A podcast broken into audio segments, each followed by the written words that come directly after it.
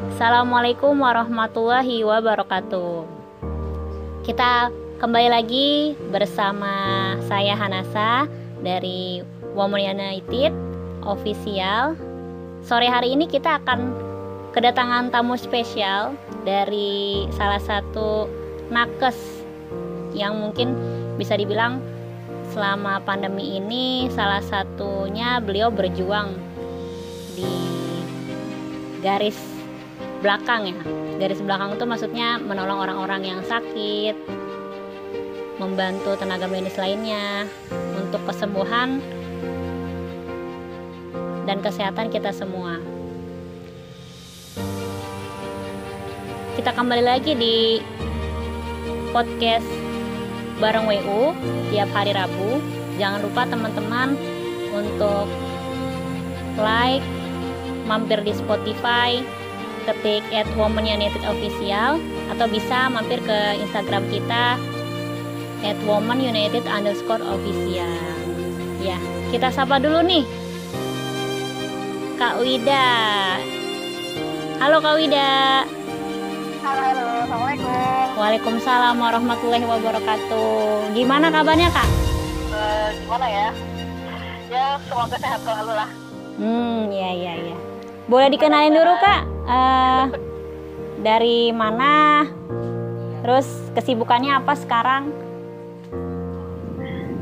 Kenalin ya. Gak terkenal nih kayaknya. Oke. Okay. Nama saya Widayani, biasanya dipanggil Wida. Saya sebagai sanitarian di Puskesmas Kecamatan Kemayoran, DKI Jakarta. Kesibukannya apa ya? Kesibukannya ya sebagai sanitarian. Karena nggak ada kesibukan cuma warawiri warawiri aja kok. warawiri warawiri. Yang kita dapat nih kalau kakak sebagai salah satu tenaga kesehatan ya yang menangani COVID, ya betul gimana kak perasaannya e, deg-degan nggak deg-degan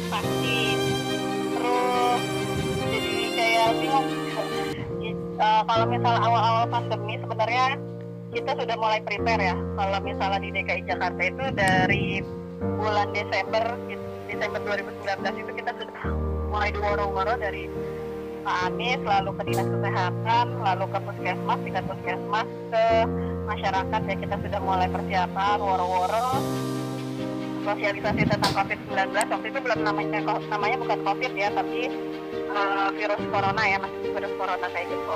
Hmm. Jadi itu udah mulai ngebayanginnya aja sebelum sampai di Indonesia itu udah gimana ya maksudnya waktu di Wuhan itu kan udah crowded banget gitu ya sampai ada yang meninggal bergeletakan di jalanan-jalanan gitu jadi kita pun sebagai tenaga kesehatan nggak mau gitu membayangkan hal seperti itu terjadi di kita gitu tapi ternyata pada rumah ya itu terjadi di kita sampai juga virusnya di uh, negeri kita ini gitu jadi persiapan-persiapan juga pasti ada tapi ya tetap deg-degan sih ada kayak gitu tapi kita tetap melakukan preventif Iya, justru di bulan dari bulan Desember ya Kak ya, di Warawiri sama pemerintah. Dan kita yang warga biasa atau orang awam tuh ya biasa aja nganggepnya. Mungkin sebagian orang bilang ah nggak mungkin nih e, nyampe ke Indonesia atau bahkan seluruh dunia. Eh ternyata dugaan kita salah ya Kak.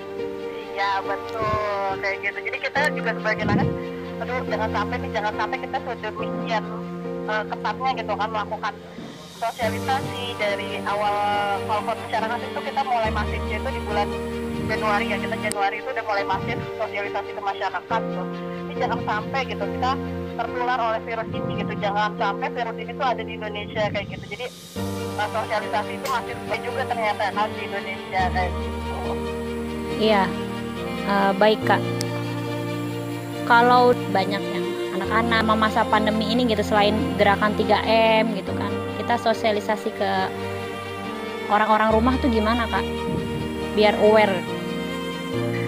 Ya selama jadi kalau misalnya untuk preventif pada diri kita sendiri ya untuk menjaga agar diri kita tidak terkena terkena virus ini kita menjaga imun kita gitu. Dengan makan eh, banyak-banyak kita mem- uh, mengkonsumsi makan buah dan sayur. Tadi kalau tadi Hanasa bilang 3M gitu ya memakai masker terus mencuci tangan pakai sabun lalu uh, menjaga jarak aku nambahin lagi nih menghindari kerumunan. Karena kita nggak tahu siapa yang positif siapa yang negatif kayak gitu. Apalagi sekarang ini sudah banyak OTG ya orang tanpa gejala. Salah satunya juga aku ya. Kadarulahnya juga kemarin sempat positif. Terus ya itu tadi kita nggak tahu kalau misalnya kita ada di kerumunan itu bisa aja kita tertular seperti itu. Iya. Makan buah dan sayur itu sangat penting terutama yang mengandung vitamin C terus apa lagi kak selain itu? Biar kita nggak menggampangkan gitu kan biasanya kan karena ah uh, flu biasa nih tapi ternyata kenapa flu biasa bisa menyebabkan orang meninggal gitu? Walaupun memang takdirnya orang kan beda-beda ya untuk uh, wafat segala macam. Tapi melihat melonjaknya korban pasien segala macamnya kita sendiri kadang orang awam ketakutan juga jadi paranoid sendiri nih kak iya sih jadi kalau misalnya kita sudah mengalami gejala-gejala kayak misalnya flu, batuk, pilek, flu, terus sekarang kan udah maksudnya udah bukan lagi kayak virus masih di awal-awal pandemi ya. Jadi virus ini sudah mulai melemah. Jadi banyak sekali or, uh, yang uh, sekarang itu terkena virusnya itu OTG atau orang tanpa gejala.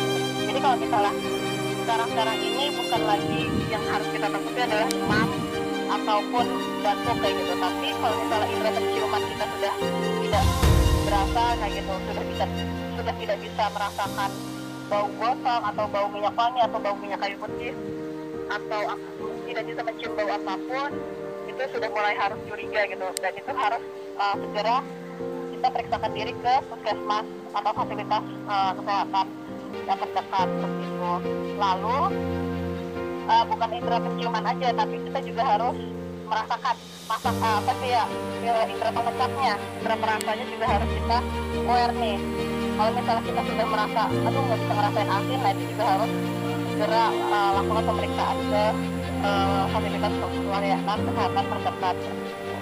Hmm, iya iya betul betul. Oke, jadi bukan kalau sekarang ini virusnya itu nggak kayak awal-awal pandemi ya.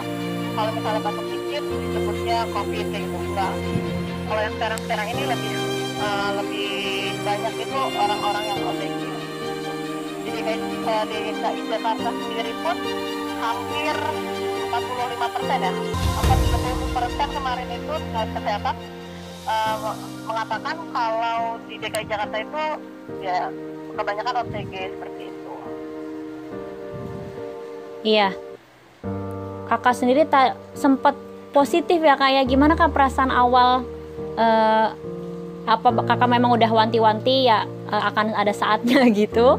Atau justru kaget loh kan saya sehat atau mungkin uh, kakak agak lengah gitu ya atau lagi nggak fit badannya gitu. Gimana kak perasaannya waktu pertama kali uh, terinfeksi atau mendengar kata positif gitu sebenarnya kalau pas kemarin positif itu udah pilih sih kayaknya. Karena di tempat bekerja sendiri itu teman-teman udah mulai banyak yang kena ya. Jadi kalau misalnya satu uh, satu udah kena itu kan langsung di tracing ya. Itu di tracing terus kita juga melakukan harus melakukan swab. Kalau misalnya kontak erat gitu ya aku udah pilih ini kayaknya udah pasti kena nih kayaknya gitu. Jadi sebelum melakukan swab udah pilih-pilih kayak gitu. Dan uh, sebenarnya aku juga nggak ngerasain gejala apa pun kecuali uh, ini apa sih hidungnya gatal kayak gitu. Hidung gatal lalu pas tanggal 16 malam itu aku dikabarin sama PJ COVID-nya PJ COVID ke tempat kerja ternyata pada rumah dinyatakan positif. Saat dikatakan positif itu sebenarnya jadi kayak orang uh, awam lagi gitu. Kok bisa ya positif kayak gitu? Jadi kayak saya nggak percaya tapi ya harus percaya gitu. Jadi kayak orang awam lagi jadi kayak bukan tenaga kesehatan lagi yang uh, pas dikatakan positif jadi bingung harus gimana kayak gitu. Tapi seiring berjalannya waktu jadi nerima gitu kayak gitu sih. Terus tanggapan keluarga gimana kak pas kakak terkena positif tuh? Menyemangati kah? Atau memang isolasi mandiri? Atau memang udah dirujuk ke rumah sakit? kalau saat aku positif kemarin sempat rutingan sama keluarga lalu kita apa ya kami dari keluarga pilih untuk isolasi mandiri aja kayak gitu di rumah. Dan itu sebelum keluar eh, pergub baru ya pergub baru tentang PSBB yang terbaru nomor apa pergub DKI Jakarta ya. Itu nomor 88 yang harus mewajibkan eh, OTG itu isolasi di Wisma Atlet. Nah, aku untungnya masih bisa di rumah isolasi di rumah. Karena kalau sekarang kalau misalnya dia OTG dia positif dan OTG itu harus isolasi di Atlet. Nah, terus kalau keluarga sendiri pasti selalu menyemangati makanya aku disuruhnya isolasi di rumah aja biar dekat sama keluarga juga gitu. Pada eh, rumahku ini lantai dua jadi di- memungkinkan gitu untuk bisa melakukan isolasi mandiri di rumah kayak gitu. Lalu yang ngebantu kakak eh, orang rumah tuh siapa? Ibu, bapak atau memang isolasi sendiri gitu? Eh, nggak boleh turun kah atau gimana kan di lantai dua pastinya ya kak ya? Iya betul. Jadi kalau misalnya kita isolasi mandiri itu harus kita harus paham ya protokol kesehatannya seperti apa. Terutama kita harus ada ketersediaan kamar mandi yang berbeda dengan anggota keluarga lainnya, kamar yang terpisah dengan anggota keluarga lainnya seperti itu. Terus makan minumnya pun juga eh, alat makannya juga terpisah. Nah untuk ketersediaan makanan aku sendiri itu dari keluarga sendiri yang menyiapkan jadi aku di kamar terus eh, apa ya makanan kalau misalnya sudah waktunya makan gitu ditaruh di depan kamar gitu jadinya yang menyiapkan keluarga sendiri seperti itu Oh, Alhamdulillah ya dan, kak ya. ya, dan dipantau oleh dokter dari tempat kerja juga kayak gitu Aktivitas kakak selama di kamar aja tuh kak ngapain kak? Eh, biar nggak stres gitu kan walaupun di rumah kan kalau di kamar terus gimana gitu ya rasanya? jadi kalau aktivitas selama kemarin isolasi di rumah itu Netflix kan Net- eh, Netflix ya Mm-mm. terus kita untungnya aku masih bisa menyer eh, aku masih ada ketersediaan buku-buku yang belum dibaca jadi alhamdulillah itu selama isolasi masih bisa menyelesaikan buku hutang-hutang buku bacaan yang belum dibaca gitu itu sih Iya. Jadi masih bisa mengobatinya kewarasan itu dengan membaca, dengan menonton gitu ya kak ya. Walaupun ini nggak bisa digampangkan kan kalau ya kalau orang kan banyak yang nggak aware ya mas bahkan sampai sekarang masih ada yang enggan pakai masker gitu walaupun keluar rumah gitu kak.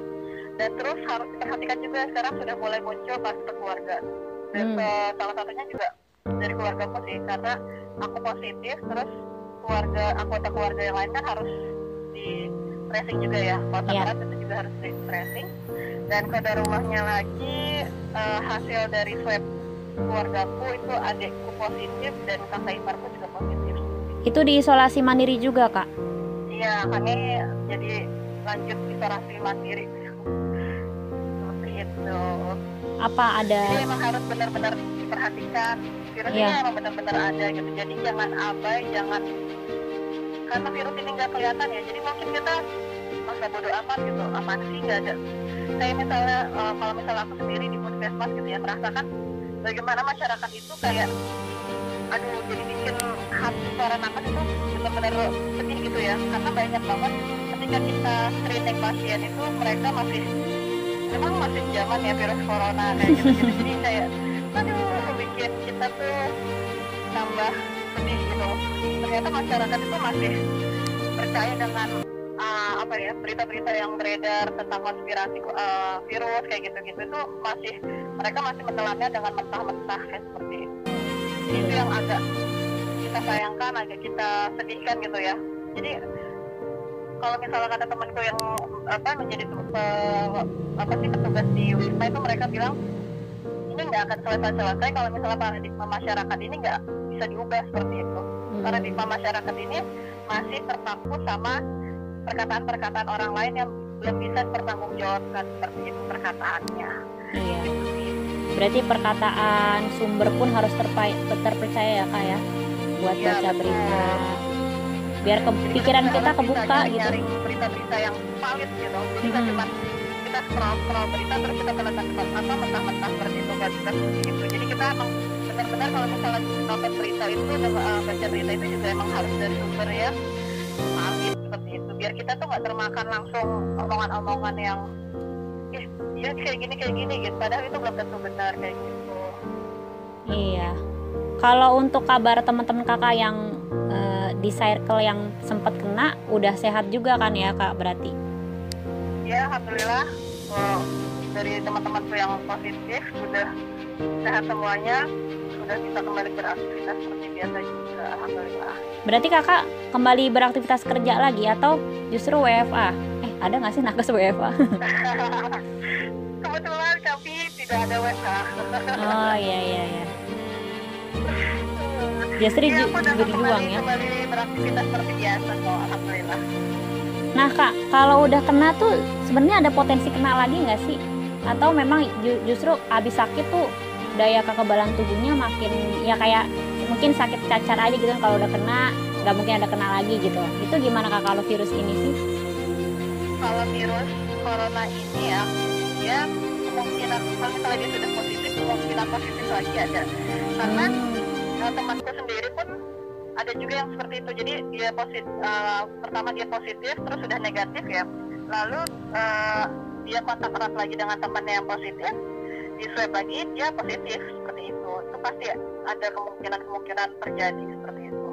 Tergantung dari daya tahan tubuhnya dia lagi seperti itu. Ke, ke- kekebalan imunnya sudah terbentuk atau belum seperti itu sih.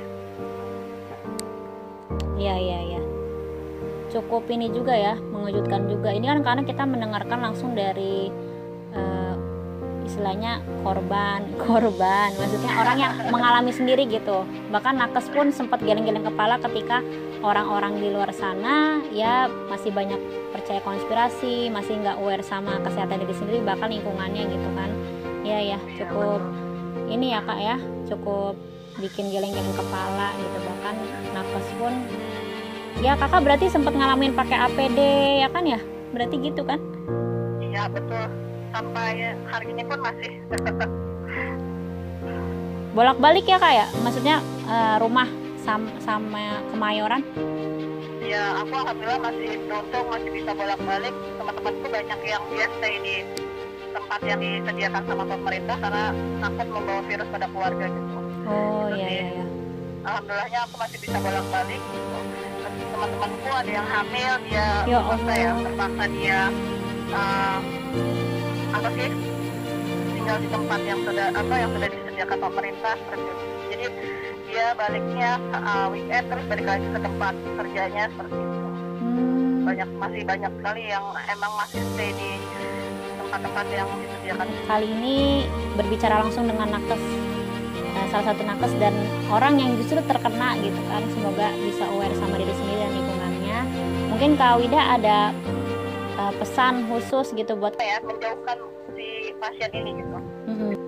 apa ya yang belum bisa dipertanggungjawabkan. Jadi omongan ini bilang ya eh, COVID-19 seperti itu kita menghindari virusnya bukan menghindari orangnya kayak gitu. Jadi kita tetap eh, cara kita untuk bisa menghindari virusnya ini dengan kita melakukan protokol kesehatan. Dengan kalau dari aku ya itu 4M memakai masker, menjaga jarak, mencuci tangan pakai sabun dengan air yang mengalir dan menghindari kerumunan. Itu jangan lupa sih. Karena sekarang ini ya kita sering mengabaikan yang tadi yang keempat itu menghindari kerumunan gitu. Jadi kita menganggap biasa aja sama kalau misalnya kita kumpul-kumpul sama teman-teman kita kita buka masker padahal kita nggak tahu status kesehatan teman kita itu seperti apa kayak gitu. Nah dengan cara kita menghindari kerumunan itu adalah eh, bisa salah satunya kita menghindari virus apa tersebut seperti itu. Terus juga makan buah dan sayur sama multivitamin itu juga penting untuk menjaga keseimbangan imun kita. Kayak gitu. Iya. Jadi dari aku Baik. Jadi kalau bisa dirangkum tadi eh, ubah stigma paradigma kita kalau memang penyakit ini adalah penyakit yang bukan aib tapi justru butuh semangat untuk menyembuhkannya untuk orang bagi orang-orang yang terkena atau eh, supaya nggak kaget itu ya kak ya. Supaya nggak Iya, bingung harus eh, berbuat apa. Lalu juga makanan bergizi menjaga imun dan terapkan 4M ya kak ya. Sesuai dengan arahan kakak. Ya, betul. menjauhi kerumunan. ya menjauhi kerumunan. Terus juga secantik-cantiknya kebijakan pemerintah sebagus-bagusnya kebijakan pemer- pemerintah gitu ya. Tapi kalau nggak didukung sama masyarakat ya sama rakyatnya itu tidak akan pernah berhasil. Jadi kita sebagai masyarakat juga kita harus mendukung setiap program-program pemerintah kebijakan kebijakan pemerintah ya terutama dalam ya memberantas virus ini gitu dalam eh, melakukan pencegahan-pencegahan agar virus ini bisa berhenti gitu. Pandemi ini bisa berakhir seperti itu. Jadi kita dengan pemerintah itu harus berjalan beriringan gitu. Nggak bisa pemerintah jalan sendirian dan kita juga masyarakat kok tahu jalan sendirian kayak gitu. Jadi kita tuh kayak kalau misalnya pemerintah itu kayak burung tanpa kepala ya. Kalau misalnya nggak ada rakyatnya terus rakyat juga burung tanpa sayap kalau misalnya nggak ada pemerintahnya kayak gitu. Jadi kita sama-sama berjalan beriringan. Kita mendukung eh, kebijakan pemerintah dan masyarakat eh, dan pemerintah pun juga melakukan kebijakan-kebijakan juga sesuai dengan kebutuhan masyarakat. Itu itu sih kalau dari aku. Ya memang harus saling mendukung satu sama lain ya kak ya. Baiklah. Ya, betul. sampai ada hmm, istilah saling mendukung gitu kan. Ya berarti kebijakan pemerintah ini ya dari rakyat oleh rakyat untuk rakyat gitu istilah demokrasi dan ngerasain ya kak ya. Jadi eh, di sinilah eh, mata kita kebuka kalau eh, dari anggaran negara dari eh, apa ya kebutuhan rakyat tuh sebenarnya ya memang harusnya di anggaran pun harusnya dipergunakan untuk eh, kepentingan negara dan kepentingan rakyat. Dan jadi semua tuh kebuka kan selama pandemi ini. Ya dari mulai eh, mungkin para pencari rezeki yang sempat eh, terhalang eh, apa aktivitasnya karena pandemi gitu karena kita jadi berlatih berpikir eh, kreatif lagi gimana nih caranya nih mencari pundi-pundi rezeki. Terus juga juga bagi nakes ya eh, gimana nih caranya nih? Maksudnya biar pasien tuh sembuh dan kita pun juga terjaga gitu ya kak ya? Betul betul. Jadi selama pandemi ini sebenarnya sifatnya orang Indonesia kelihatan gitu saling tolong menolongnya tuh masya Allah ya luar biasa ya. Jadi ada yang kesusahan dibantu dengan eh, apa eh, masyarakat yang punya seperti itu. Jadi sifat tolong menolongnya orang Indonesia tuh bermunculan saat-saat pandemi seperti ini masya Allah ya. Iya. Seperti itu. Baiklah kak, Eh, udah di penghujung podcast kita. Eh, Alhamdulillah, terima kasih waktunya. Terus udah malam-malam juga diganggu. Eh, semoga Kak Wida, keluarga serta teman-teman nakes lainnya, khusus di Puskesmas Kemayoran ya kak ya. ya betul Dan nakes lainnya itu disehatkan oleh Allah Subhanahu Wa Taala, oleh Tuhan Yang Maha Esa. Doa terbaiknya untuk kami Iya baik, tetap semangat. Semangati kami juga nih yang nggak nggak WFA, yang apa, yang nggak berkesempatan WFA, tapi tetap WFO. Ya kita berusaha untuk menjaga diri kita dengan uh, protokol kesehatan supaya menjaga imun juga dan sebagainya gitu ya Kak Wida ya. Baik, ya, terima kasih waktunya kesempatannya udah boleh mendengarkan atau kita sesi sharing nih Ah, teman-teman kita follow akun Instagramnya Women Unit Official dan dengerin terus podcast kita tiap hari Rabu. Terima kasih buat Kak Wida dan terima kasih untuk teman-teman semua. Wassalamualaikum warahmatullahi wabarakatuh. Waalaikumsalam warahmatullahi wabarakatuh